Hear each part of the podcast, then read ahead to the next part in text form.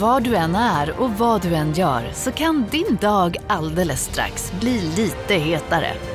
För nu är Spicy Chicken McNuggets äntligen tillbaka på McDonalds. En riktigt het comeback för alla som har längtat.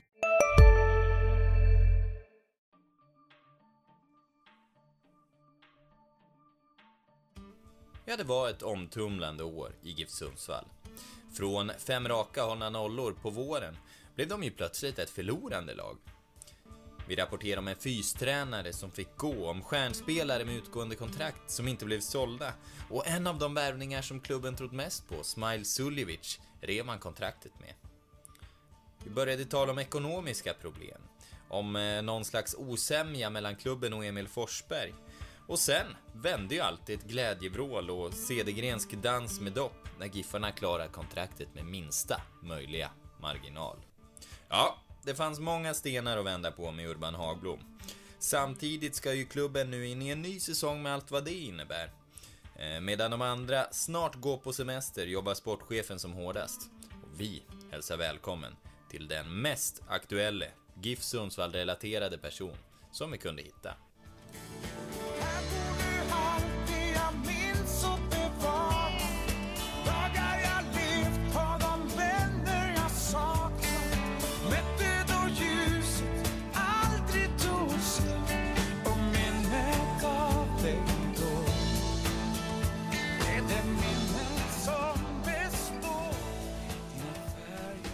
Lyssnar på GIF-podden med mig, Lukas Alin. Med mig, Oskar Lund. Och med dagens gäst, presentera dig.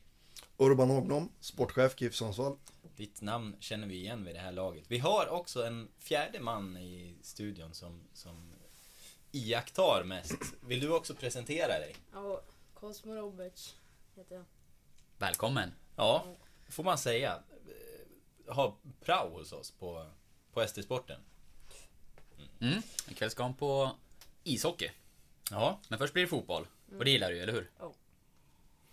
och, eh, och nu blir det ju nu blir det ju ofrånkomligen lite fotboll med, med Urban här. Får Ja, man väl bra. säga. Du är, du är högaktuell nu för det är, det är nu det, är Det är nu, nu det allvaret händer. börjar för dig. Ja, precis. Eller det har börjat för ett antal ja, veckor sedan alltså. För det är ju så att vi, vi backoffice går in i vår mest hektiska period vad det gäller fotbollsbranschen. Så att det är, det är nu vi jobbar för högtryck. Eh, självklart man jobbar för högtryck egentligen under alla 12 månaderna. Men nu är det ju en extrem period. Så är det. Mm. Och vi tänkte ju både liksom ta en tillbakablick på säsongen som har varit men också blicka lite framåt. Men jag tror ändå man ska börja här och idag för det blev precis klart med eh, en ny man in i ledarstaben. Henrik Ånstrand från Hudiksvall. Det, det får du berätta lite. Nej, stämmer. Eh, Jätteglada är vi idag där vi då har undertecknat eh, ett avtal. Eh, Vi var ju väldigt klara un- under efter säsongen att vi skulle... Vi ska tillägga det, det är typ en kvart sedan. Ja, Ja, Ja. typ.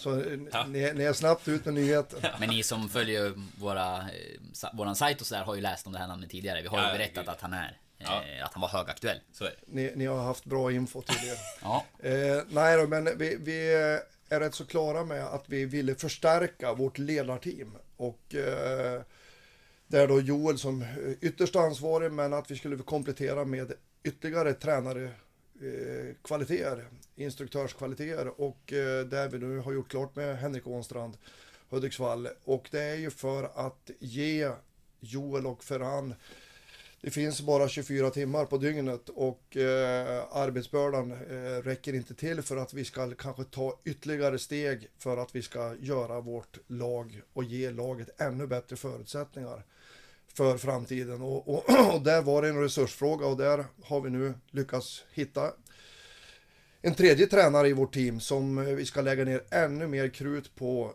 individernas utveckling. För lyckas vi utveckla varje enskild spelare så kommer också prestationerna av laget bli bättre. Men vad, vad blir hans roll då i, i den här staben? Eh, Eller om du ska beskriva hela ansvarsfördelningen. mellan- Ja, den ansvarsfördelningen är inte riktigt klar än. Det här ligger ju då på Joel Cedergren som har det yttersta ansvaret kring fördelningen kring ansvarsområdena. Eh, kring teamet. Och, och där har vi väl kvar en liten pusselbit utifrån hur fysdelen kommer att fördelas. Eller om det kommer att komma in ett fjärde namn. Det ska vi väl se vad som händer i teamet. Men eh, det är ju allt utifrån lagdelarna och kring eh, spelet, eh, spelidén, eh, positioner, individuell uppföljning. Det handlar om analyser, det handlar om scouting, det handlar liksom om analyser på våra egna spelare utifrån utveckling, fortbildning. Eh, så att eh, det här är ett oerhört brett område. Eh, men med dagens teknik så har man ju oerhört mycket hjälp som tränarna måste lägga ner mycket tid på.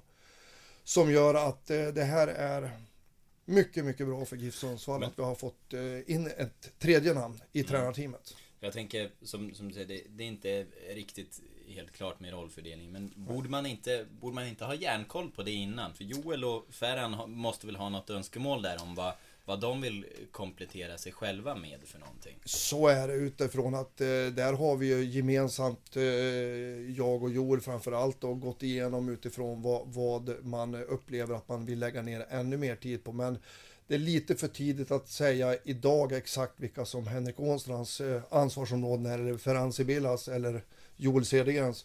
Som gör att vi, vi vill vara lite försiktiga med att gå ut med det. Men det kommer inte att vara några hemligheter utifrån hur ansvarsområdena ser ut. Men eh, det här vill vi också ge lite tid och att de här ska få hitta de här områdena själv. Men, men som sagt, Henrik har ju varit eh, fantastisk på att utveckla individer och lag utifrån som han nu har jobbat i Hudiksvalls FF och som men Vad är måste ju bland annat Pontus Silver ha passerat och nu är Kristoffer Eriksson, Våfflan. Ja, Sören Eriksson var ju huvudtränare där när. Silver var där vet jag. Men, men eh, jag, Henrik Ånstrand, han var, varför just honom? Jag vet att han har gått eh, högsta provutbildningen i förbunden, nyligen fått godkänt på den och gjort ett bra jobb i Hudiksvall och liksom snackat som en av de eh, lovande tränarna därifrån, eh, från den serien. Men vad är det som gjort att ni har fastnat just för honom? Nej, men det är ju alltså utifrån en personlighet och hans ledarskapsprofil, eh, alltså utifrån hur han fungerar som ledare, som tränare. Eh, men på samma sätt som vi tittar efter talanger vad det gäller spelare, individ, eh, kvalitet på spelare, så tittar ju vi efter talanger inom tränarkåren. Och där har vi en väldigt stor talang i Henrik Ånstrand som vi lyckas eh, ha löst något till GIF Sundsvall och som vi ser en väldigt spännande framtid i. Är att komplettera våra, vårt tränarteam med. Eh, men det är ju en ledare som vi har följt under många år. Eh, ni vet säkert, han har ju faktiskt spelat i GIF Sundsvall en gång i tiden. Han har ju gått igenom hela Tipslit-projektet och varit uppe i vår A-trupp men hade lite otur med lite skador som gjorde att det vart en ledarkarriär för honom via Söderhamn och Hudiksvall. Så att eh, personligheten och människan har vi känt länge och eh, han kommer att passa ypperligt i GIF Sundsvalls ledarteam med eh, Joel och Ferran tillsammans så kommer de att göra ett gott arbete. Hur långt är avtalet? Två år. Två? Mm. Så det följer alltså Joel och Ferrans avtalslängder som det ser ut med dem också. För det är så vi vill förhålla det här, det här teamet, att de är tillsammans. Mm. Intressant. Intressant och intressant att det, att det kanske också kompletteras med den här fystränaren. Är, vi- jag tycker vi har fått ta emot en del under säsongen eh, om eh, också kommentarer om att det sett lite trött ut och det kanske också är någonting som får mer lyslampa på sig just eftersom eh, det var en oenighet och Jocke fick, fick lämna föreningen under säsongen. Men, men hur, hur bedömer ni den fysiska statusen? Sådär? Den fysiska statusen är det inget fel på, utan eh, sen kan man alltid ha synpunkter på st vissa styrkor och svagheter, men, men fotbollsfysiskt så har man inte varit eh, för dåligt tränad eller något annat, utan man, man ligger på väldigt bra värden i hela gruppen och eh, vi har inte förlorat matcher på grund av fysen. Däremot så kan det alltid finnas saker vi kan önska vi ska förbättra ytterligare som gör att vi vinner fler matcher. Men vi har inte åkt dit på fysen, det är jag rätt så säker på. Hur ser du på, på uppbrottet som, som blev med Jocke Svebrott nu när det har passerat ett antal månader sedan dess? Nej, men det är ju jätteolyckligt. Jocke har gjort ett fantastiskt jobb och jag har varit väldigt engagerad och, och gjort ett gott jobb. Sen så är det ju så i mycket i, i, i livet som gör att det inte eh, det fungerar exakt eh, på bästa sätt i, i relationerna och i, utifrån hur man upplever hur träningen ska bedrivas. Och där var man väl inte överens och eh, där så är det ju ändå någon som sitter med det yttersta ansvaret och då, då blev det ju inte någon bra lösning så att vi, vi skildes åt som eh, utifrån en bra situation, alltså eh, bra relation. Så att det finns inga konstigheter i det, men, men de var ju överens om att man eh, avslutade sitt samarbete för man, man såg olika på hur man skulle bedriva fotbollsfysen. Och, och en förutsättning är att ledarteamet är överens. Och när man då inte var det så vart det, vart det ett avslut. När det gäller fysen så tror jag vi ska prata lite mer med Joel Cedergren om den vid läge också kanske. Om Ja. han kommer tillbaka till podden. För Ja, det är väl mer hans område än ditt. Så är jag det. vet, vet att man jobbar mycket med periodisering och sådär som jag bland annat hörde Andreas Brännström, en aktuell tränare som det har snackats Mm. mycket om på slutet, prata om i en annan podd igår. Eh, och tänkte på det då att vi bör kanske ta hit Joel och snacka med det. Det är ett intressant ämne som Mm. många, många klubbar jobbar efter nu, bland annat Östersund och sådär. Eh, och även Joel Cedergren vet jag. Mm. Eh, försöker bedriva träning utefter en periodiseringsmodell som finns. Så är det för fotbollsfysen är ju lite annorlunda än eh, om vi ska gå och träna fys eh, om man vill bygga muskler. Men, så att eh, det handlar om att få en kunnighet i fotbollsfysen och utifrån hur vi ska kunna prestera bättre utifrån de 90 minuterna. Och undvika skador med mera. Så att det tar ni med Joel. Mm. Mm. Vi var ju inne på säsongen som har varit då utifrån fys och, och Joakim Svedberg och så vidare. Vad, nu har det gått några veckor. Vad ger du, vad ger du GIF Sundsvall för betyg för den gångna säsongen i Allsvenskan? Det blev ett nytt kontrakt precis, säkert i sista omgången. Ja, det är lite... Om man ska se resultatmässigt... Det är ju ett okej resultat då. Inte mer än okej. Vi, vi spelar allsvenskt 2018 och det var ju också föreningens målsättning. Sen så kan man ju allt ha ett spann från första plats till eh, trettonde i det här fallet så, som gör att de spelar allsvenskt. Och, eh, eh, vi, vi, men vi är inte nöjda.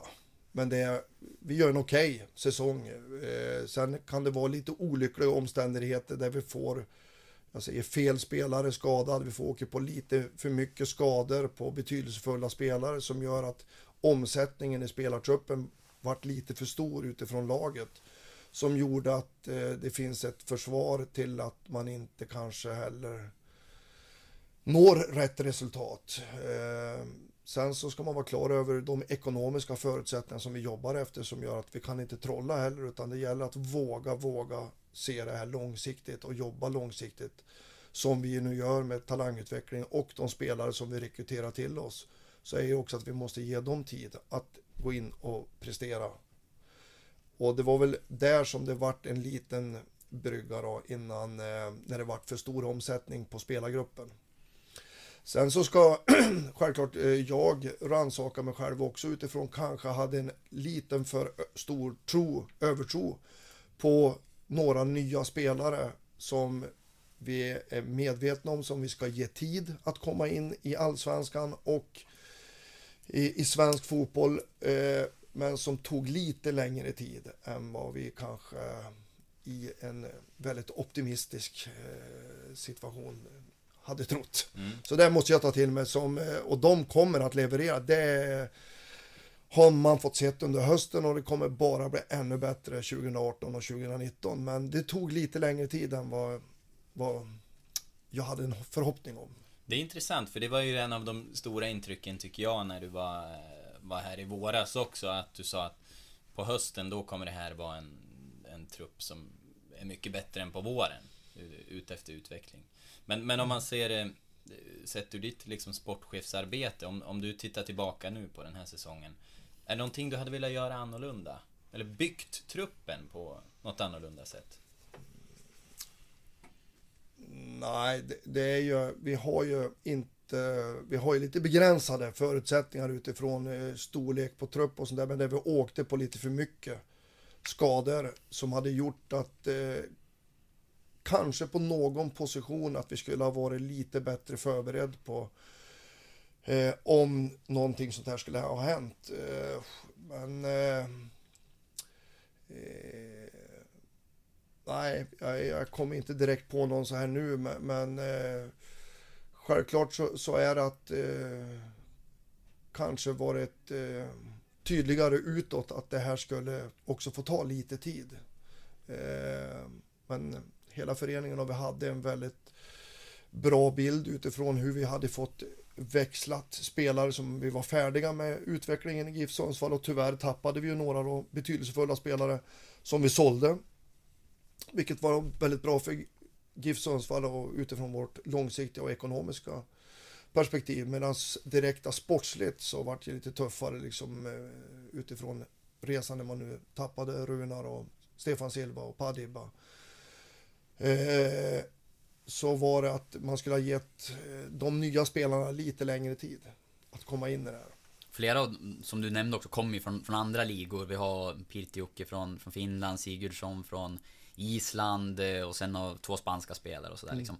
Eh, Det var inte så många spelare som ni tog in med, med allsvensk erfarenhet på det sättet. Det var väl Hallenius och, och Myrestam. eh, Assist till väldigt liten del. Eh, Hur tänker du kring det? Är det, är det ett, måste ni göra så för att eh, liksom, ni har inte ekonomin att värva från Allsvenskan? Eller borde ni ha tänkt på ett annat sätt eller kommer tänka på ett annat sätt framöver? Eh, nej, ja, eh, svårt att svara på direkt. Men eh, vi kommer nog inte att tänka på något annat sätt. Men eh, där är det ju att vi skulle ha gett spelarna då med Pirtjokki och med Bata och Carlos och eh, Kristin. Eh, kanske mer tid. Det var ju det jag sagt att jag kanske var lite för överoptimistisk utifrån att de skulle gå in och leverera dag ett. För det är ändå en omställning, även om det här är kvalitetsspelare, väldigt, väldigt bra spelare, så, så tar det tid att komma in i svensk fotboll, för det blir lite annorlunda än vad det, hur det ser ut i finska ligan eller isländska ligan.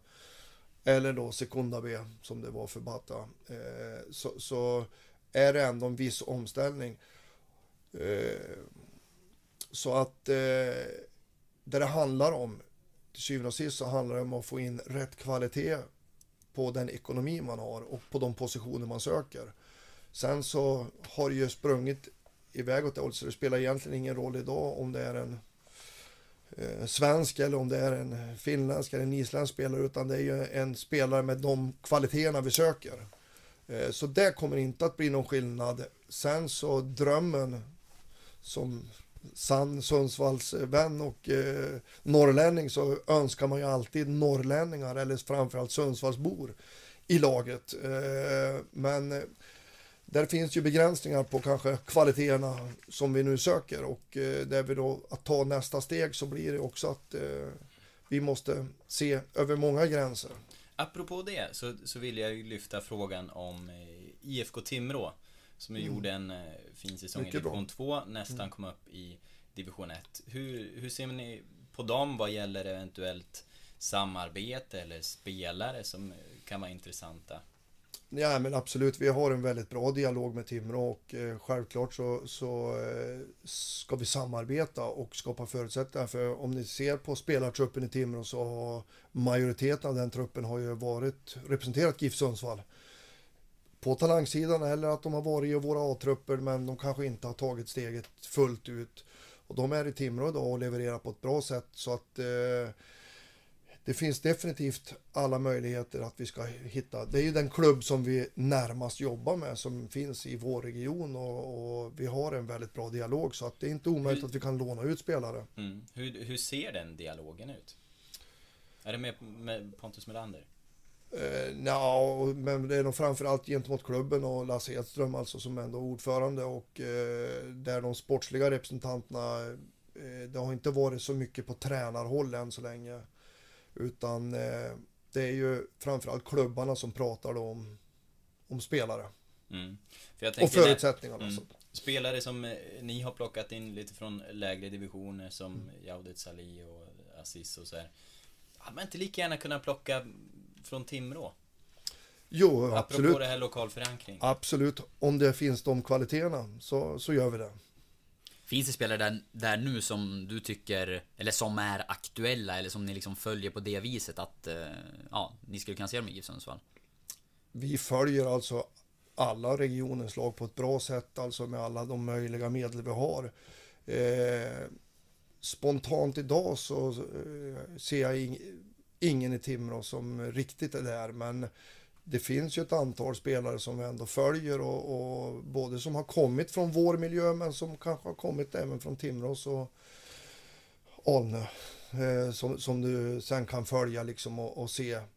Eh, för någonting som jag tror fotbollen och eh, som vi jobbar efter det är också att våga vara långsiktig och att du ska ge spelare tid.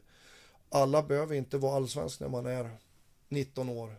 Eh, utan man kan faktiskt hitta andra utvecklingsmiljöer. Och, och där är definitivt Timrå en och vi följer dem på ett bra sätt. Men i, i nuläget så, så känner vi ingen som är jättehet för GIF Sundsvall. Det ska jag bara ärligt säga. Kan det ändå vara aktuellt att bjuda in dem för att, för att få se dem i en annan miljö? Ja, och det har vi ju gjort genom åren och eh, så kan det ha varit distrikt där de är inne och spelar i u allsvenskan där man då har den möjligheten att tillhöra en annan klubb fast du får spela tävlingsmatcher. Så att eh, det har vi ju gjort. Det har varit spelare från regionens lag som, som vi ändå har använt till u eh, Och det kan ju ha varit både utifrån att få se dem i vår miljö och eh, att stimulera spelarna i deras miljö för att de känner att de är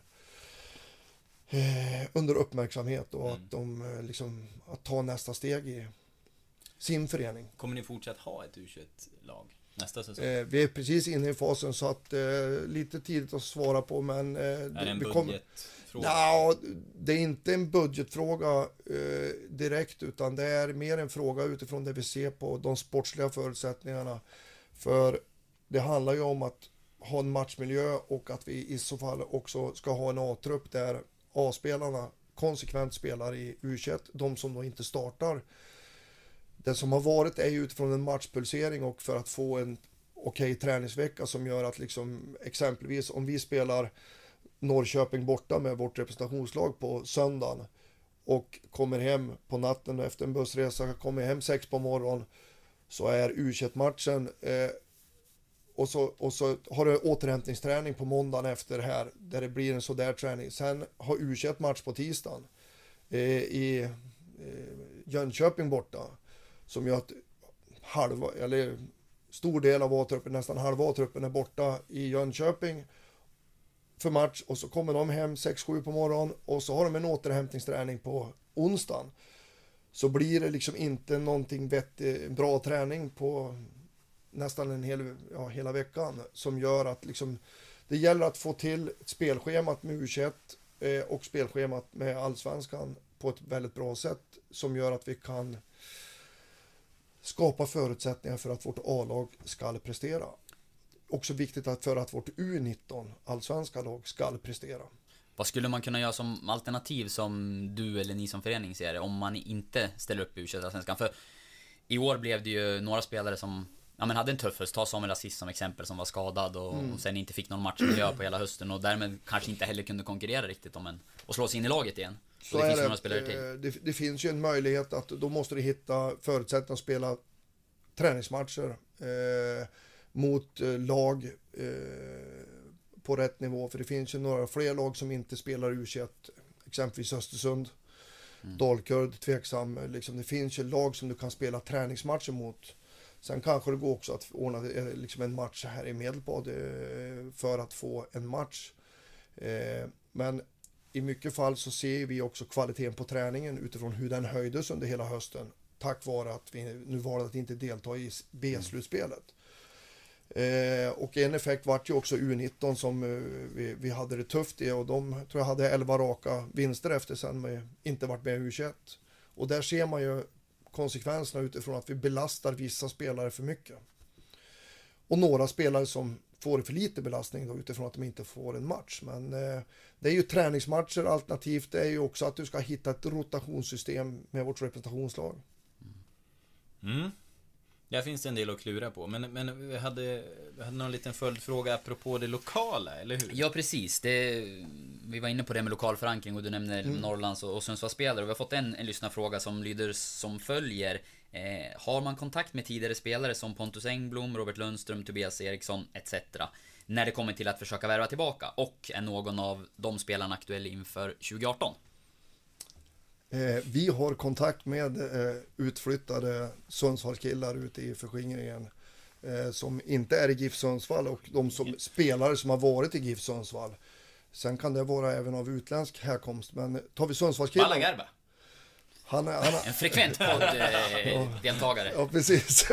Ja. Eh, nej, men så, så vi har, eh, upplever vi en väldigt bra dialog och de är också här och när de har semestrar så tränar de med GIF Sundsvall och de är hemma dag ett liksom inne i omklädningsrummet och det ser ut som de inte har gjort något annat egentligen, eller att de tillhör laget. Så att de är alltid välkomna och vi gör allt vi kan för att de ska representera GIF Sundsvall. Alla tre. Eh, jag säger inte 2018, men eh, alla tre vill vi gärna se representera GIF Sundsvall. Eh, jag säger alla fyra. Vi har Emil Forsberg också i Leipzig. så att, eh, Då får du vänta lite Urban. ja, jag tror att eh, det kan vara, det kan stämma.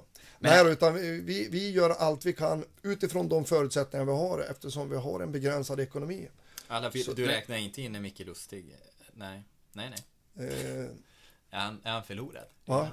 Eh, minns, han kommer att bli kvar i Glasgow tror jag. Ja, det verkar så. Jag såg han hade något uttalande där. Men, men är det någon av de här som är aktuell nu då? Kan, för ni någon eh, dialog eller finns det något konkret att, att säga där kring de här tre namnen som det efterfrågas? Eller någon annan. Du får gärna kasta ur alla namn ni ska försöka värva. Det tar vi tacksamt emot. Och, och lite, lite trist som vanligt tänkte jag säga så, så kan jag inte nämna så där jättemycket men eh, självklart vi undersöker ofta alla möjligheter att eh, se vilka. Nu sitter ju alla de här spelarna under avtal och GIF Sundsvall har inte ekonomi att eh, hantera transfers idag. Så att eh, om situationerna förändras eh, för någon utav spelarna eller att någon av spelarna inte mår bra så är vi där och, och ser hur vi kan göra för att det ska bli bra. Det var en Norrlandsfråga till Lukas. Du kan... Ja, men precis. Eh, Det är en som frågar här. Eh, Vore intressant att höra vilka spelare från de norrländska klubbarna i lägre divisioner som Hagblom har ögonen på. Så nämner han några. McNeil i Thorengruppen, Anton Eriksson i Umeå, Al-Fadli i Thorengruppen med flera. Ja, Peter, Peter, Peter Thelin också. Eh, petar vi alltid in. Gillar ju vi. Ja. Så är det. Vi har, eh, upplever jag då, vi har bra koll på norrländska spelarna i våra lag och vi har väldigt bra dialog utifrån historiskt utifrån Norrlands elitfotboll som vi kallar det på NEF eh, åren som Giffarna drog i och som vi då hade med IFK Luleå och Umeå FC Friska Viljor och Östersund och Hudiksvall. Eh, så har vi bra koll i de här regionerna på spelarna.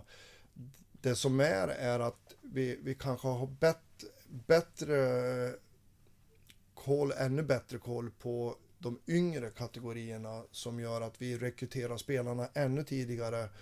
För att idag så har GIF Sundsvall den absolut bästa talangverksamheten norr om Solna, ska jag nog säga. Eh, som vi kan bedriva talangutveckling och det har fått en genomslagskraft i norra delen i Sverige eller i hela Sverige som, som gör att spelare söker sig till Sundsvall, till GIF Sundsvall och till vårt nationella idrottsutbildning på NIU, fotbollsgymnasiet. Eh, som där vi och NIU har ett jättefint samarbete och som gör att eh, spelare vill, de söker sig till Sundsvall. Det är alltså landslagsspelare som söker sig till Sundsvall för att de ser att det här är bästa miljön för deras individuella utveckling. Så där tittar vi mer kanske på Norrbotten, Västerbotten, Ångermanland, Hälsingland. Kan Kanske ni- inte lika aktivt i Jämtland Härjedalen idag eftersom eh, det är naturligt kanske med Östersund där för, för de ungdomarna. Men eh, de har ju inte närheten av den talangutveckling som vi har i GIF Sundsvall idag. Kan ni på något sätt använda er av till exempel Emil Forsberg i den här rekryteringen? Använda honom li- lite som ett vapen? Att, Ja, det är Tala väl, gott om det. det, det. Ja, så är det ju och, och, och vi har en oerhört stor hjälp av- Emil. Men det är ju med många spelare.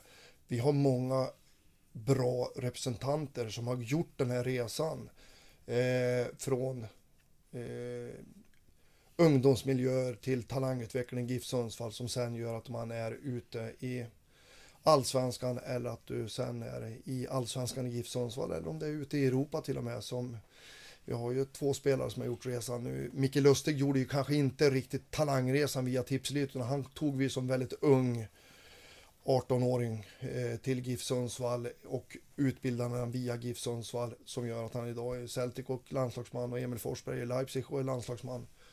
Eh, Pelle Nilsson gjorde resan eh, från GIF Sundsvalls tipslitverksamhet och eh, jag är numera assisterande sportchef i Leipzig. Så att, eh, men var, vart blev ju landslagsman och eh, väldigt fina spelare och det här har vi ju också många spelare som är utanför, både med våra isländska vänner som vi utbildade till landslagsmän i vår miljö utifrån Runar och Ari och även Jon som eh, troligtvis nu kommer att få resa och spela VM. Eh, så, så liksom ger det ett, eh, har vi ett gott renommé ute i, i fotbollssverige och det är någonting som vi ska vara väldigt glada och stolta över. Men vi ska absolut inte vara nöjda utan vi söker hela tiden fortsatt utveckling. Vi måste bli bättre. Bland de där namnen som du nämner nu så är ju Emil Forsberg såklart det, det största. Eh, hur är relationen med, med honom nu? Det har ju varit en del skriverier och så under, eh, vad ska man säga, hösten är det väl. Först efter uttalande där om att han, ja men han blev lite pantsatt. Och eh, Emil har ju pratat om att han inte var helt nöjd själv heller. Hur, hur är relationen mellan er nu? Eh, den är som jag upplever, jättebra, så det är inga konstigheter utan eh, det här blev ju utifrån ett missförstånd och eh, här kan man ju se er styrka i media utifrån vad som kan hända om jag uttrycker mig fel vid fel tillfälle så kan det missuppfattas och där det blir rubriker, you name it, som gör att när jag då följer media så kan jag ju få missuppfattningar på det hela. Eh, för så var ju, men idag så har vi, upplever jag, vi har en jättebra relation med Emil. Har du, Inga- har du pratat med honom ja, efter? Ja, så jag har pratat med honom och vi har fortsatt god kontakt. Hur mycket Va? betyder han för, eller ja, Ja, vad, var hans... eh, Hur såg ert samtal ut där? Vad, vad kom ni fram till efter, Nej men det efter var ju det här? utifrån där man hela tiden kan se utifrån hur det kan misstolkas, utifrån hur det kommuniceras. Så, så är det väl bara att vara tydligare, att ha ännu bättre kommunikation med varandra. Man måste ju alltså eh, göra det tydligare. Och på ett bättre sätt än vad GIF Sundsvall gjorde vid det tillfället. Och det måste Giffarna ta till sig. Borde ni ha ringt honom innan helt enkelt? Är det det som Ja, är och det till saken hör att man jagade ju, de är kanske inte så enkla att få tag på alla gångerna utifrån att man eh, spelar Champions League som nu senast liksom och det är matcher till höger och vänster så var det ju en som hade det uppdraget och provade och sökte han väldigt länge men inte hade då kontakten. Och eh, för det var väl, det har kunnat, man, man har kunnat använt vilket namn som helst i den presentationen men nu av naturliga skäl eftersom det var en Sundsvalls son så vart det Emil Forsberg och det kanske inte var så bra att använda hans namn för det vart ju också medialt jävligt intressant. Så att eh, Giffarna får ta till sig det men det finns inga konstigheter mellan eh, Emil och GIF Sundsvall utan eh, vad bestod själva missförståndet i det? Om man ska, ska reda ut det. Nej, men det, det var ju att eh, en idé som GIF Sundsvall hade kring investeringar eh, var väl att eh, du skulle kunna bli delaktig eh, i spelares eh, vidareförsäljningar och sånt där. Att det skulle kunna ge, att för i grunden, GIF Sundsvall ville låna pengar och en säkerhet var kring spelarförsäljningar. Och då tog man upp Emil Forsbergs vidareförsäljning om det. Och det skulle man, han hade kunnat ta- tagit Runar Mar Sigurjonsson eller har kunnat tagit Stefan Silvas eller du har kunnat tagit Aris Gulason eller Robert Lundström. Många spelare, du har kunnat tagit väldigt många spelare som det finns vidareförsäljningar på. Men då använde man Emil Forsbergs namn och då var det ju ungefär att vi skulle det var det som var säkerheten av att sälja Emil Forsberg och så var det ju inte. Och, och där så ska man nog vara lite klokare med vilka namn man använder. Men det var ju inget någonting illa ment från GIF Sundsvall och det var, det var bara att media fick fel uppfattning utifrån vad budskapet var. Finns det inte en, en risk i det här att det skulle kunna bli en, en typ av ja, nu, för, förtäckt tredjepartsägande? Att det skulle kunna tolkas så att ni skulle kunna åka på reprimander? Eh, ja, nej, det är det inte, utan eh, det här är ju liksom ett lån. Sen kan man ju alltid ha synpunkter, vad är det för säkerhet? Det, du, du i så fall lämnar en säkerhet på någonting som du inte äger frågan. Så att eh, jag tror inte att det är så där jättemycket säkerhet utan att jag kan ex, är expert på juridiken. Men det var som ett förslag utifrån, det finns ju enormt eh, eh, stora eh, spons, sponsorer, investerare som, som liksom ser det liksom med glädje kanske att eh, förstärka GIF Sundsvalls ekonomi och på ett snyggt sätt vara delaktig i att rädda situationen som det var då.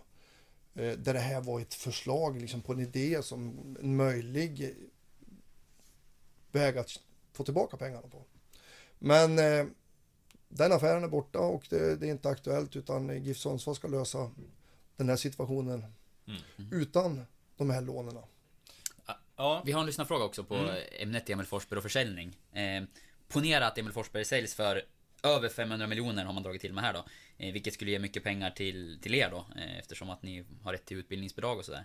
Eh, finns det någon plan för hur man ska använda dem om det skulle vara så? För Ja, går de exempelvis direkt till att ta bort skulder eller vill man satsa på något särskilt? Är frågan då. Eh, för det är ju ändå så att det är en... Eh, det finns en viss sannolikhet i att Ja, Emil men- kan bli såld med tanke på... ständigt aktuell. Precis. Så är, är man på den här nivån så är man ju också ständigt aktuell. Men det finns ingen plan idag för att det är ju ändå en fråga som inte vi äger och eh, den plan som finns i föreningen är att det, det kommer ju inte att vara några kortsiktiga åtgärder på en sån för det är ju i så fall eh, oavsett vilken spelare som säljs så, så blir det ju ett eh, fint tillskott till GIF Sundsvalls ekonomi som kommer att investeras på en långsiktighet. kommer inte att bli någon kortsiktig lösning utan eh, det kommer att bli en långsiktig investering. Sen om det är på eh, anläggningsfrågan eller om det är på Det finns ju så enormt mycket att investera i en sån här organisation och sen om det kan innebära nya anställningar i någon annan form eller som gör att vi GIF Sundsvall på sikt blir ännu starkare. Det, det är svårt, men det finns ingen direkt plan. Mer än, att- mer än att eh, det här kommer att bli långsiktigt. Om man, om man ser till, eh, till förutsättningar då, finns det någonting som ni drömmer lite om och eh, kunna fixa? Alltså, säg ett gym eller att det är bättre omklädningsrum eller inte vet jag, en, en viss typ av ledare. Eh, Finns det någonting sånt som ni, som ni går och drömmer lite? För ni surrar väl ännu? Ni dri- dricker ju kaffe en hel del, det, har du, det berättar du för oss här innan. Ja, fast vi... vi det finns Vi ju så- drömmer ju lite här. I farten givetvis. Ja. Ja, precis. På väg mellan möten. Ja. Eh, nja, eh, här kan det nog vara väldigt, väldigt brett alltså. Men självklart så, så är vi i behov av en, eh, en bra anläggning för vår egen akademi, ungdomsakademin och som vi har på gång nu på uppe i Nacksta på, på, på Nackstaplanen där som det, vi är på väg att börja bygga någonting som på sikt kan gener- vara väldigt bra för Sundsvall och GIF Sundsvall självklart. Men eh, sen så, så eh, om jag får drömma så I de sekunderna när jag är i luften så är det en kamp på liv och död. I Spotlights serie Vinnarskallarna minns stjärnorna själva de dramatiska svenska sportögonblicken. Hör Anja Persson berätta om när hon kraschade i OS-backen men reste sig igen. Jag ville vinna över berget. Vinnarskallarna, nytt avsnitt varje fredag. Sök efter podden Spotlight. Hej, Synoptik här. Så här års är det extra viktigt att du skyddar dina ögon mot solens skadliga strålar. Därför får du just nu 50% på ett par solglasögon i din styrka när du köper glasögon hos oss på Synoptik. Boka tid och läs mer på synoptik.se. Välkommen! tror jag inte att det skulle vara någon nackdel att vi, vi, vi har en byggnad där vi är tillsammans, hela organisationen. Idag är vi ju utspridda eh, i olika fastigheter men att vi skulle vara tillsammans i, i en och samma byggnad. Och Sen om det blir GIF Sundsvall som måste göra den investeringen eller om det blir eh, ett samarbete med Sundsvalls kommun som är arenaägare får man ju diskutera men eh, jag skulle gärna se direkt att det är tak på östra och västra läktaren. Som gör att vi skapar hospitality för våra besökare. För att skapa trivsamhet och eh, en arenautveckling. För vi, vi måste bli skickligare på att locka mer besökare till idrottsparken. Det, det är ett måste för att vi ska fortsätta att utveckla GIF Sundsvall så måste vi också eh, attrahera Sundsvallsbon mellan norrlänningen och att besöka allsvensk fotboll på idrottsparken och lyckas vi inte med det då kommer vi få det tufft här i framtiden. Finns det någon tydlig plan för det inför nästa år? Det är flera som har undrat kring det också när det gäller lyssnarfrågor. Ja, det, det gör det och det jobbas hårt med den planeringen utifrån eh, allt för att eh, eh, förgylla upplevelsen för besökarna alltså på idrottsparken och det kan ha allt med service och eh, det var ju första året i år som vi hade en gemensam entré för besök, majoriteten av besökarna utifrån att få Norra tomten, vårt affärsområde där uppe, att, att folk ska träffas och trivas och, och det tar ju tid. Man vänder ju inte en kultur, en tradition på dag ett. Så det, det här ska man ju också ge lite tid att det ska få sätta sig, men det var ett, ett viktigt och stort steg för att skapa en, en större trivsam upplevelse på idrottsparken. Men självklart så har ju sen allt med servicen när du väl är på arenan, det har med servicen vid biljetthantering, det har med eh, bekvämligheterna på arenan, eh, servicen inne på arenan och upplevelsen på matchen. Eh, men eh, nu kanske jag är lite störd på sporten men- är att eh, sen det viktigaste är att vi också presterar en bra fotboll och vinner fotbollsmatcher. För det, det får ju folk till arenan. Men eh, Inte, i, inte Grimsta och i, i Borlänge den här säsongen. Däremot. Nej, inte i den utsträckning som man behöver. Men de är också på väg utifrån hur man nu har eh, gjort Grimsta till en mycket, mycket bra anläggning och för att skapa eh, trivsam för besökarna så har det blivit en helt annan anläggning. Och de får mer och mer folk och det kommer mer och mer folk på Grimsta också, det är jag helt övertygad om. Det är väl det som Dalkurd har problemet i, i Borlänge nu med, med utifrån hur bekvämligheterna ser ut på Domnarsvallen och, och det är därför som de inte blir kvar där utan då blir det på Gavlevallen som det blir allsvensk fotboll. Ja, ni får, där får ni ju derbyn mot Dalkurd nästan. Ja, I och med att man har sett Gävle som derby. Så är det, så det ser vi fram emot. Lite märkligt. Ja, lite, lite märkligt. Men får väl se om det kan bli någon, eh, någon extra rivalitet. Men det jag var inne på eh, kring våra matcher så, så, så sker det alltså ett eh, tufft och hårt arbete för att vi ska skapa det här och vi har lite olika kommittéer som sitter och inom olika områden för att skapa upplevelsen på idrottsparken. Men, men jag tror att eh, vi inom sporten har det viktigaste uppdraget och det är att se till att vi ska spela bra fotboll och vinna fotbollsmatcher. Och där är ju du en viktig roll i att sätta truppen då såklart. Och du pratade om det inledningsvis att det är en intensiv tid nu. Hur, Mm. hur går det? Hur, och hur mycket har du att röra dig med? Det är någonting man undrar över. Blir det samma spelarbudget som i fjol eller får du mindre eller mer? Nej, det är samma spelarbudget som i fjol. Så att eh, där så ligger vi på då, samma förutsättningar. Så det här ska vi göra bra. Sen kan man alltid drömma och önska att man skulle önska mer. För att eh, det är ju mycket av ekonomiska skäl som du också är med och, och konkurrerar med andra klubbar som då kanske har lite bättre förutsättningar. Men eh, det är också viktigt utifrån karaktärerna på spelarna och den fas de är i sin utveckling som gör att eh, vi får hit spelare som brinner för att vara i Sundsvall och ser det här som den perfekta utvecklingsmiljön för att kanske då ta nästa steg. Och det vet jag att många kan bli irriterade på mig och Giffarna över att vi, vi blir av med våra bästa spelare. Men det är lite grann som vi får verka i den fas klubben är i idag. Så är det ju liksom att spelare kan bli för bra för, för Sundsvall. Exempelvis när Runar nu hamnar i Grasshoppers. Men självklart så vill ju vi behålla han. Och skulle vi ha ekonomiska förutsättningar så skulle vi kanske kunna behålla dem. Men kan ni nu efter det här ekonomiska året ver- verkligen ha samma spelarbudget som förra säsongen? Ja. Eh, för jag kan ju säga om vi inte skulle lyckas skapa de ekonomiska förutsättningarna, då spelar vi inte allsvenskt. Hur ligger ni till då jämfört med andra? Den, eh, ja, kan du nämna hur stor budgeten är till att börja med? Din spelarbudget. Nej, jag ligger, ligger lite lågt med det, men, men alltså eh, det som är är om vi ser på andra allsvenska klubbar så har vi den placering som vi fick i tabellen utifrån de ekonomiska förutsättningarna. Så det, så det är Det är två som hade sämre och, och en som var likbördig och, och AFC och Halmstad hade sämre förutsättningar och vart tog de vägen? Jönköping och vi är på samma. Mm. Mm. De andra som Nej, är för intressant oss har bättre förutsättningar så att du kan du kan nästan till läsa tabellpositionen utifrån omsättningarna på föreningarna och förutsättningarna som har gett spelare. Sen är det alltid något lag som överraskar positivt och något som överraskar mer negativt utifrån de förutsättningarna. Men över tid, över lång tid, så, så går det inte att dölja. Alla lag, om du inte når rätt intäktsnivå, då spelar du inte allsvensk fotboll.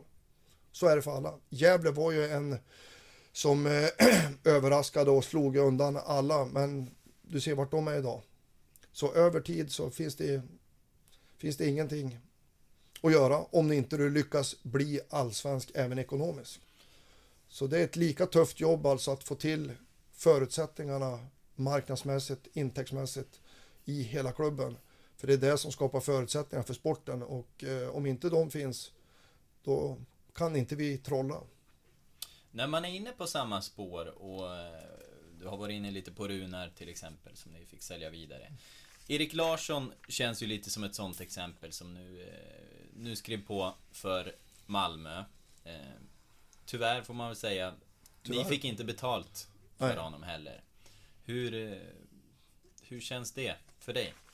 Det känns jättesurt. Eh, utifrån ett egoistiskt syfte, alltså med, för GIF Sundsvall så känns det jättesurt när vi tappar alltså en hög kvalitetsspelare eh, och vi har noll kronor att ersätta med. Eh, och det är det som vi vill försöka bygga till våra spelare som är, vi har aldrig några problem med att sälja spelare om de är tillräckligt intressanta för andra klubbar under deras avtalstid. För GIF Sundsvall har aldrig stoppat en enda spelare om det finns professionella intressen. Eh, och eh, det är väl det som man kan tycka blir lite okamratligt för att jag ger mina kamrater sämre förutsättningar. Eh, men sen så självklart så, så eh, måste vi också gratulera Erik som ändå går till svenska mästarna och får spela, ta nästa steg och jag är helt övertygad om att han kommer att debutera i landslaget i, i januari på den turnén. Eh, för Erik har haft en fantastisk resa hos oss som vi vill att alla spelare ska ha. Men eh, optimalt, hörde ni? Jag sa optimalt nu. Eh, så, så som jag vet våra supportrar inte gillar men, men är att vi hade sålt han i somras. Jobbade ni för det? Aktivt? Eh, vi, vi jobbade för det, men, men samtidigt så handlar det också om spelarnas prestationer. Det var alltså inget intresse för att köpa den i sommar. Och det visar väl kanske också lite kvaliteten på svensk fotboll. Det var lite intressen från några klubbar, Malmö, eh, Norrköping, Göteborg, AIK, men det var förutsatt att de skulle sälja sina ytterbackar, högerbackar. Och när, när de inte fick göra det så, så liksom, då var det inte aktuellt att köpa. Eh, Men- I, i, I vilket skede var ni ute för att förlänga hans kontrakt? Då? oj, det har vi varit i ett och ett halvt års tid Mm. som vi har jobbat men insåg ju innan färdigt att vi kommer inte att hitta någon lösning och, och då gäller det ju liksom, har du hållit på och förhandlat i ett och ett halvt, två års tid för att hitta lösningar på förlängningar och eh, då eh, kommer man ju till insikt också att spelarna kanske inte är så intresserade av att vara kvar. Då- Varför är det så svårt för er, hi- historiskt sett, som med, med Ari och nu med Marcus Danielsson och Erik Larsson och så, var- Varför har det varit så svårt att se till att få betalt för de här bästa? Ari fick ni ju lite betalt för, Ja. men det hade ju kunnat bli mer. Om man säger så. Ja, det är ju inte kanske vi som påverkar utan det är utifrån det intresse som är på dem. Alltså om, eh, utifrån deras kvaliteter så är inte klubbar beredda att betala pengar för dem. Och, och det har ju blivit en marknad som är så. Utan titta på generellt på alla spelare. Nu går Johan Blomberg går till MLS nu från AIK och som inte de har hittat en förlängning som de ville förlänga med. Till, och han går ju också som Bosman-spelare. Det har ju blivit tyvärr så att eh, det är lite grann utifrån intresset på spelarna dyker inte upp förrän eh, de är fria att gå. Sen eh, har det ju med alla olika möjliga nivåer att göra men eh, det har eh, framförallt kan det ha att göra med att du vill, vi har ju varit i fas för att vi vill förlänga, där spelare sitter på längre avtal så får du bättre betalt vid transfers. Men eh, skillnaden är ju ofta att inte vi har de ekonomiska förutsättningarna som gör att spelarna vill förlänga utan de ser möjligheten att lämna oss ändå då. Ändra som på lite billigare affär eftersom de har kort tid på sina avtal kvar eller så går de som bossman. Hur ser du på, på eh, möjligheten eller, eller eh, vägen att gå att eh, kanske ha en lite smalare trupp då men betala dem mer och fylla på mer från, från egna leden? En sån som, som till exempel, jag tänker på nu killar som har suttit på sidan mycket som Jaudet Salih och sådär. Hade man kunnat avstå en, en sån spelares lön för att höja Erik Larssons eller? Ja, fast det, Hade det varit en möjlighet att gå?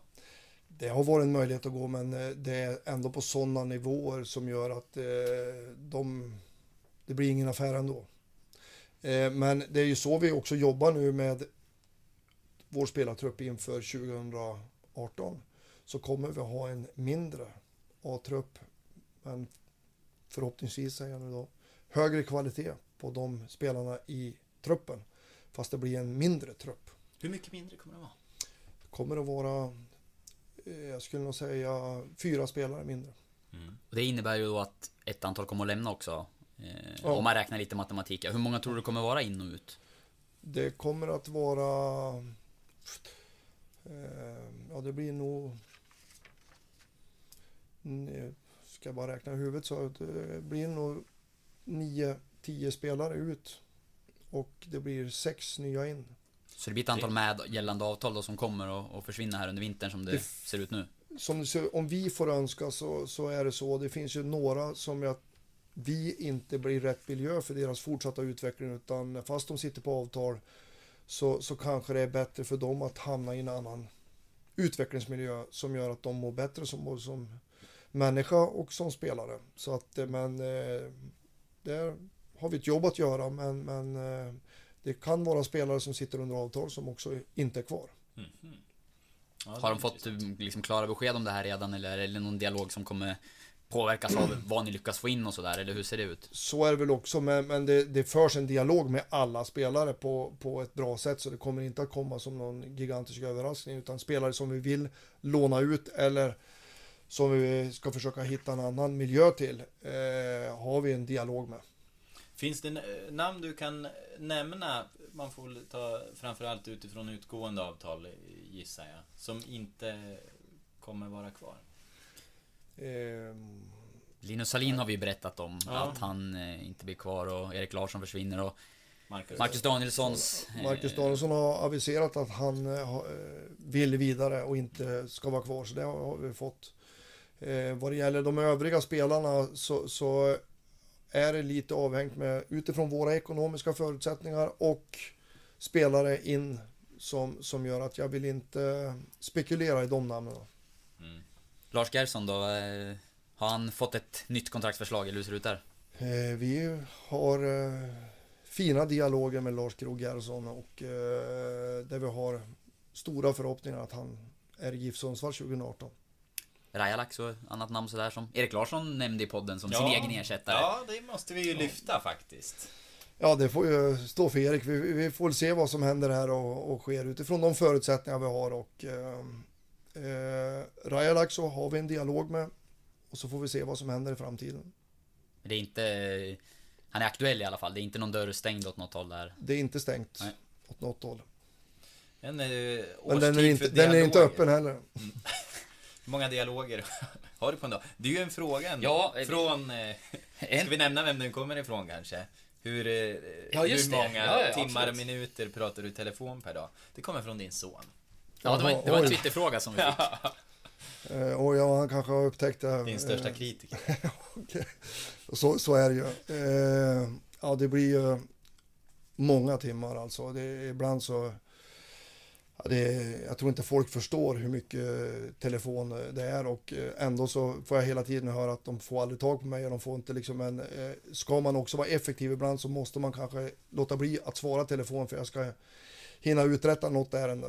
Eh, som eh, för att sen sitta i förhandlingar och man sitter i möten och, och då gäller det att ha respekt på de mötena och då tar man inte telefonen. Men, nu är den men- avstängd ska vi säga. Det, Ja. Men hur, hur uppskattningsvis då? Vad tror du det kan handla om? Hur många samtal kan det vara på en dag? Oj, det, det är ju...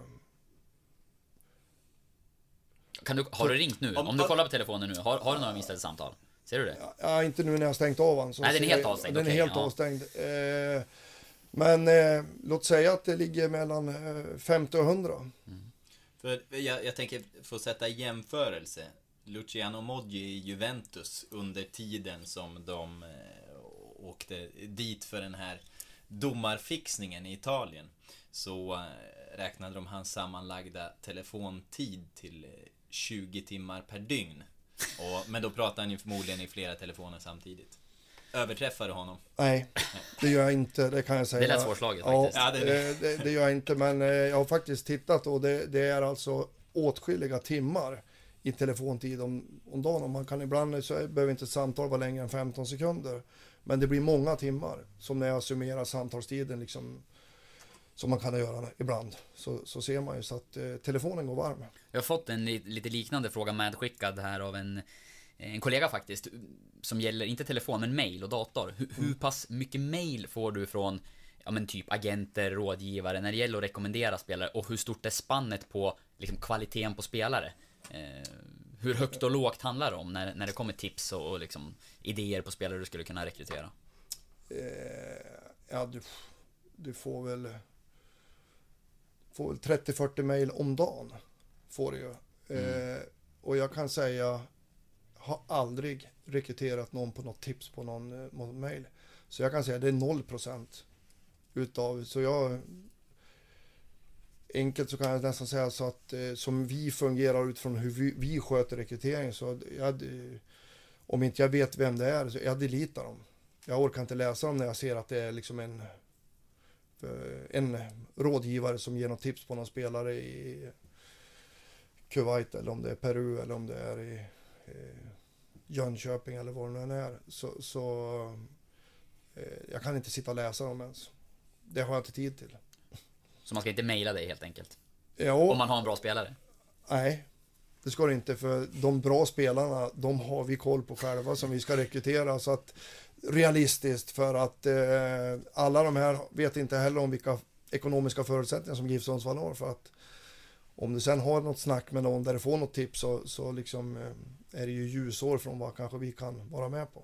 Det här var ju en rejäl avhysning till Freddy Adous agent. Ja. en mailkontakt. Ja, det mejlet fick även ni. Eh, Ja. vad, vad ska in då? Eh, under, det här, under det här transferfönstret?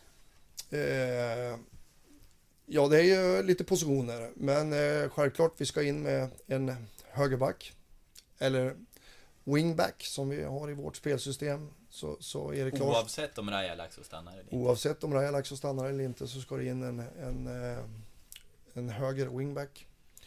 Eh, vi tittar utifrån, eh, nu utgår jag från de spelare som vi inte har klar med, som vi vill förlänga med Lars Krogh Gerhardsson, att inte han finns kvar. Eller om de finns kvar, men, men eh, vi, vi behöver eh, in med en mittback. Där kan vi pausa lite. David Fällman kom det eh, uppgifter om idag att han skulle vara aktuell tidigare i Gävle-spelaren som har varit i Kina. Eh, kan du säga något om honom? Eh, nej, återigen jättetrist, men vi vill aldrig kommentera spelare mer än att eh, jag kan bara kommentera att det är, en, det är en fin mittback som har mycket bra kvaliteter. Mm. Eh, men eh, så är en mittback ska vi in med. Eh, vi ska in med eh, en central mittfältare. Vi ska in med två interiors ytterforwards. Eh, och sen ska vi se utifrån hur vi hanterar forwardspositionen också.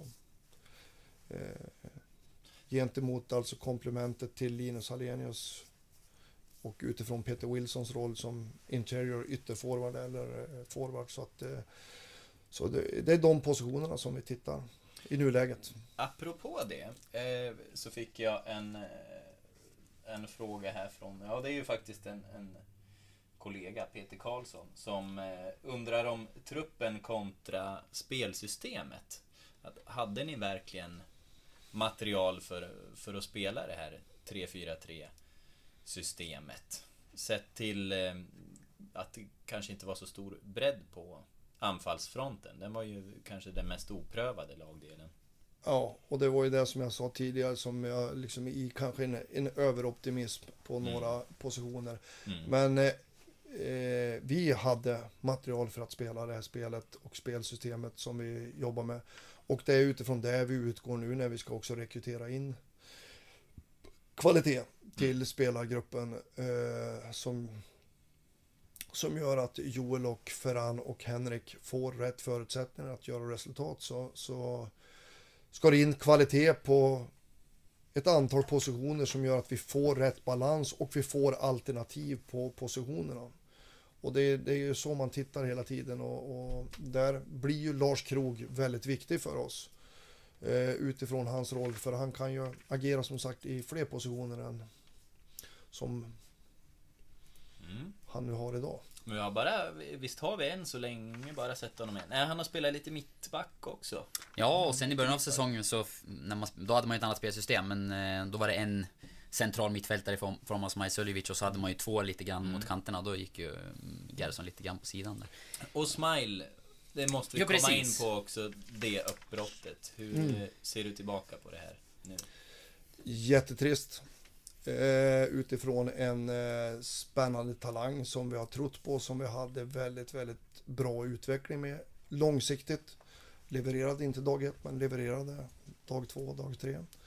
Eh, men eh, eh, situationen, vi tillsammans var överens om att eh, det här eh, var inte en bra miljö för han och för oss eh, att fortsätta samarbetet. Vad hände då? Kan du Ja. berätta mer? Man blir ju... Ja, man är ju nyfiken och vill veta mer helt enkelt om vad som gjorde att man kom fram till det här. Ja, nej men eh, vi har bestämt att vi, vi ska inte kommentera så mycket mer utan här var vi helt överens om att eh, vi avslutar vårt samarbete för att eh, vi vill ha framgång med GIF Sundsvall och Smile Sulevic vill ha en, en annan miljö. Men disciplinära skäl är ju någonting som har kommit ut. Jag vet inte om det är ni som kommenterade det eller om det... Eller kommunicerade det... eller om det... Jag tror att det var uppgifter va, som, Ja. som vi och andra medier också har berättat om. Jag, jag tänker, varför väljer man inte att, att kommunicera ut hela bilden i ett sånt här fall? Just för att slippa det här snacket på stan. För vi, vi...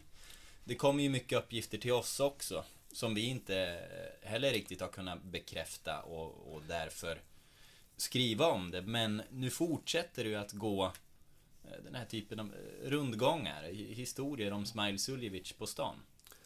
Ja, så är det, men vi är väldigt klara med att eh, ingen utav berörda parter har någon fördel av att vi ska kommunicera något mer än vara tydlig med vad vi har sagt och vad vi har kommunicerat för att eh, det är det bästa för bägge inblandade att eh, det är inget mer. Det får spekuleras och det får göra vad, vad det vill men både i det här fallet GIF Sundsvall och Smile är helt klara med att eh, det här var det enda vi skulle göra och kunde göra för bägge parters bästa utveckling. Mm. Jag, jag tror inte att vi kommer så mycket längre i den. Nej, Men... eh, Vi får där är, fortsätta där är vi färdiga. Ja. Där är vi färdiga. Ja. Men... Och vi eh, önskar Smile lycka till. Så att, eh, Vet du någonting om eh, hur det går för honom jakten? Har ni någon Ja, han har- kontakt efter det här? ja, jag, jag har haft kontakt med Smile och han eh, kör rehabilitering och eh, vill komma tillbaka på bästa sätt. Så att eh, han lär säkert dyka upp i någon fotbollsmiljö.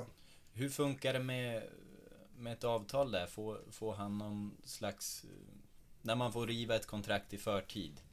Får han någon slags kompensation eller eh, några månadslöner i, i en klumpsumma och Eh, kila nej, det, iväg eller? det kan jag det eh, klargöra att eh, det är inte någon eh, utköpsklausul eller någonting som GIF Sundsvall har behövt betala eller något sådär. Det här fanns med i hela vår uppgörelse och det bägge parter var helt nöjda och klara med. Så det, det är ett avslutat kapitel för GIF Sundsvall och för Smile. Så att det finns inte så att det är någon bekostnad eller belastning för GIF Sundsvall ekonomiskt. Kontraktet drevs rakt av liksom. Ja. Ja. Har ni någonting, eh, någon ekonomisk möjlighet då när han eh, ska hitta en ny klubb? Ja, det kanske vi kan ha. Vi ska, ska vi försöka referera det här? Minspelet. Du kisar nästan och, och läpparna, eh, du drar läpparna inåt så här och Så- slickar dig lite om munnen. Så- Som att du har ätit en sockerbulle, Urban. Ja, nej men som ni vet där så kan man ju inte utifrån avtal kanske tala om allt som står i avtal men eh, det jag på ett snyggt sätt kanske förklarade lite grann att ja, vi har en, ett uppgör. Ja.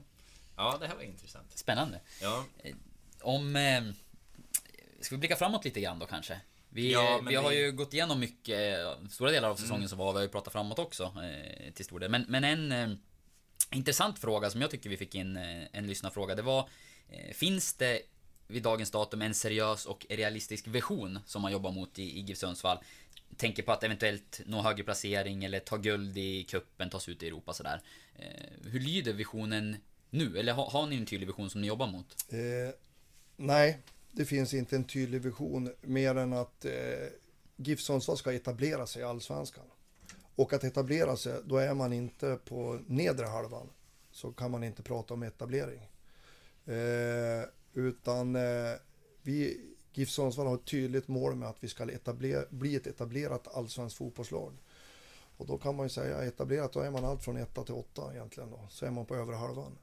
Men eh, det handlar ju om, som jag pratade om tidigare också, är ju inte bara utifrån, det handlar om att vi måste nå de nivåerna ekonomiskt, intäktsmässigt, publikmässigt, eh, för att vi ska också etablera oss. Så det här är ju liksom ett jobb för hela föreningen eh, och hela Sundsvallsregionen av att eh, vilja etablera, klara av att etablera GIF Sundsvall i Allsvenskan. Det är ett jättejobb ekonomiskt och sportsligt.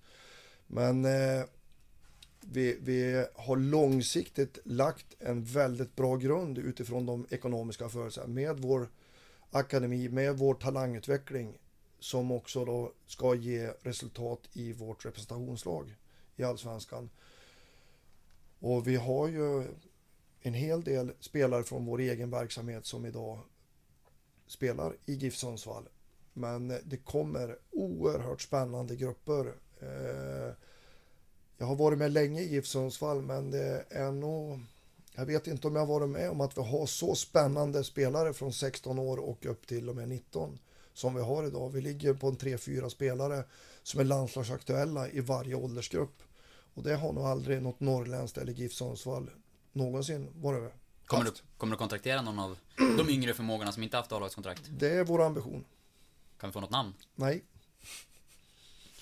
Nej. Ja, ungefär, ungefär samma vi- leende där. vi får luska lite i är det där. Jag vet att- Men, Sebastian Friman är väl en som har varit med och tränat under stora delar av vårt år. Har han haft ett lärlingskontrakt till och med va? han har haft ett lärlingsavtal. Mm, just det.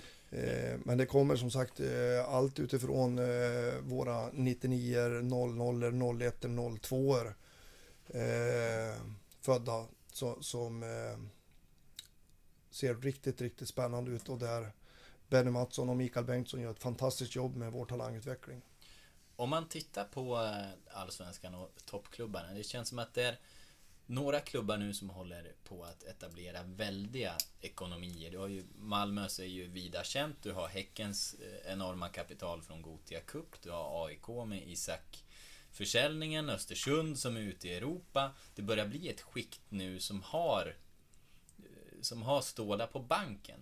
Tvingar det här er att- att tänka annorlunda på något sätt? För jag tänker att det börjar bli så olika hyllor nu som man kan plocka spelare ifrån.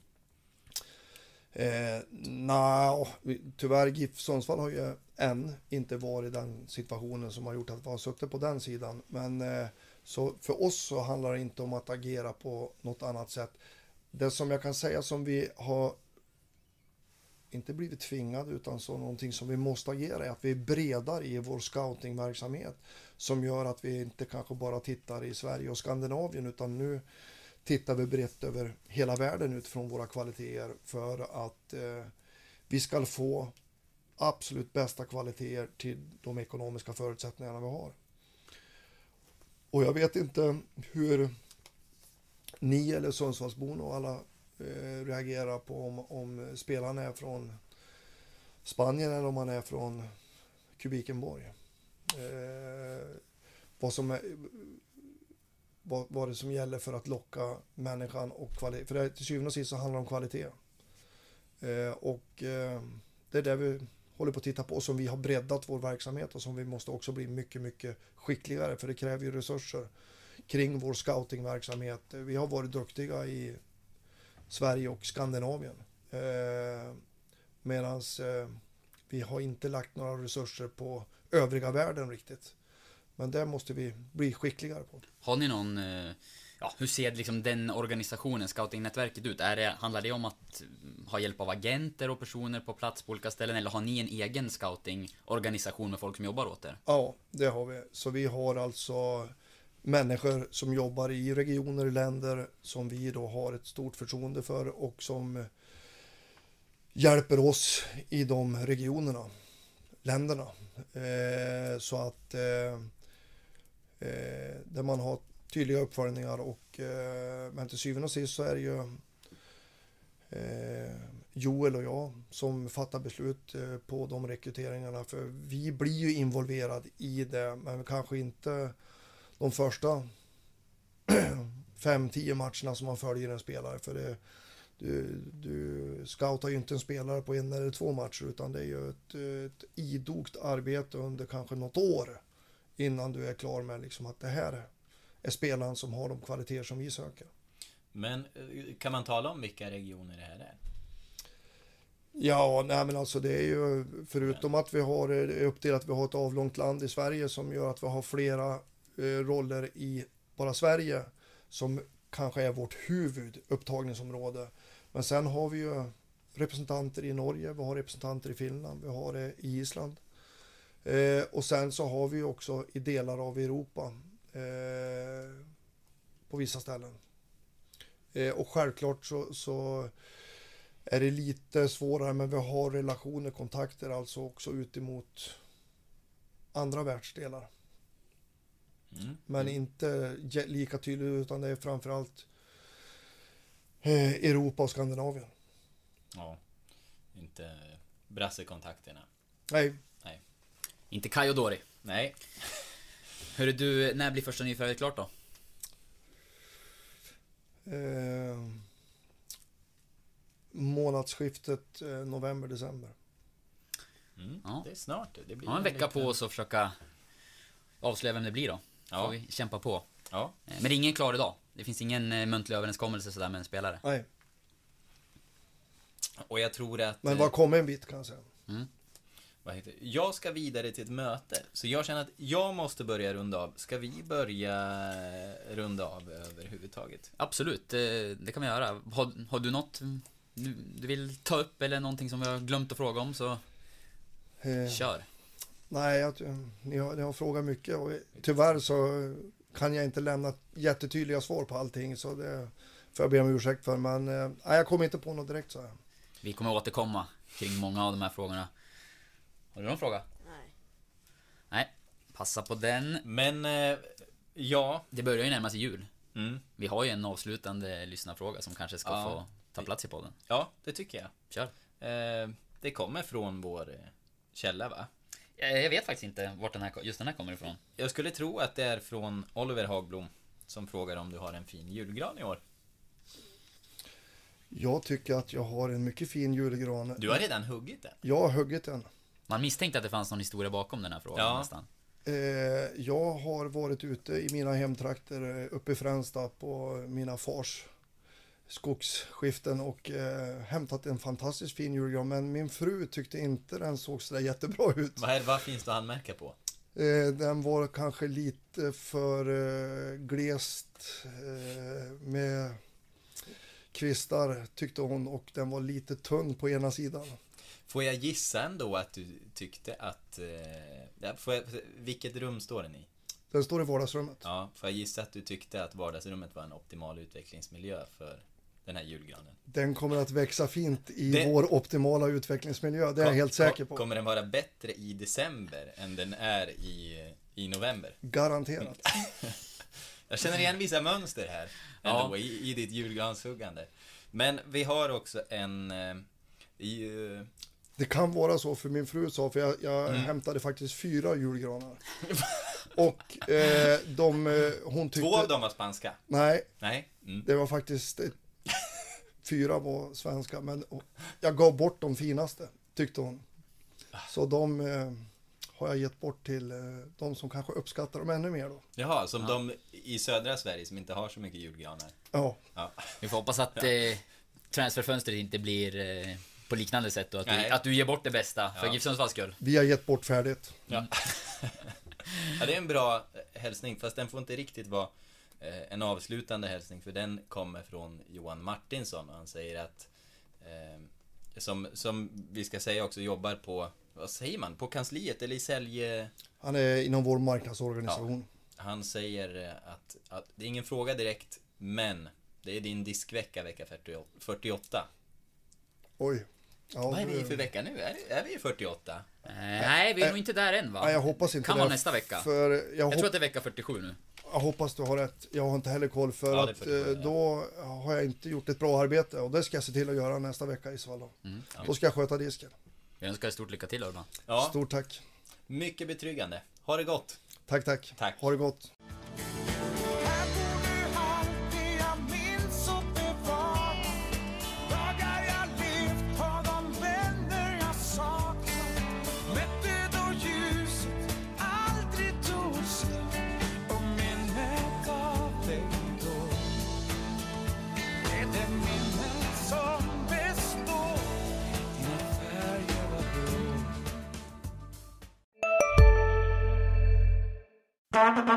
Det där var för att uppmärksamma er på att McDonalds nu ger fina deals i sin app till alla som slänger sin takeaway förpackning på rätt ställe. Även om skräpet kommer från andra snabbmatsrestauranger som exempelvis Ma... Eller till exempel Burger...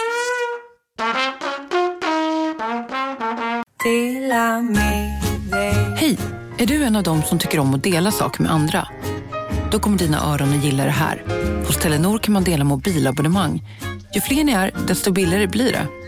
Skaffa Telenor familj med upp till sju extra användare.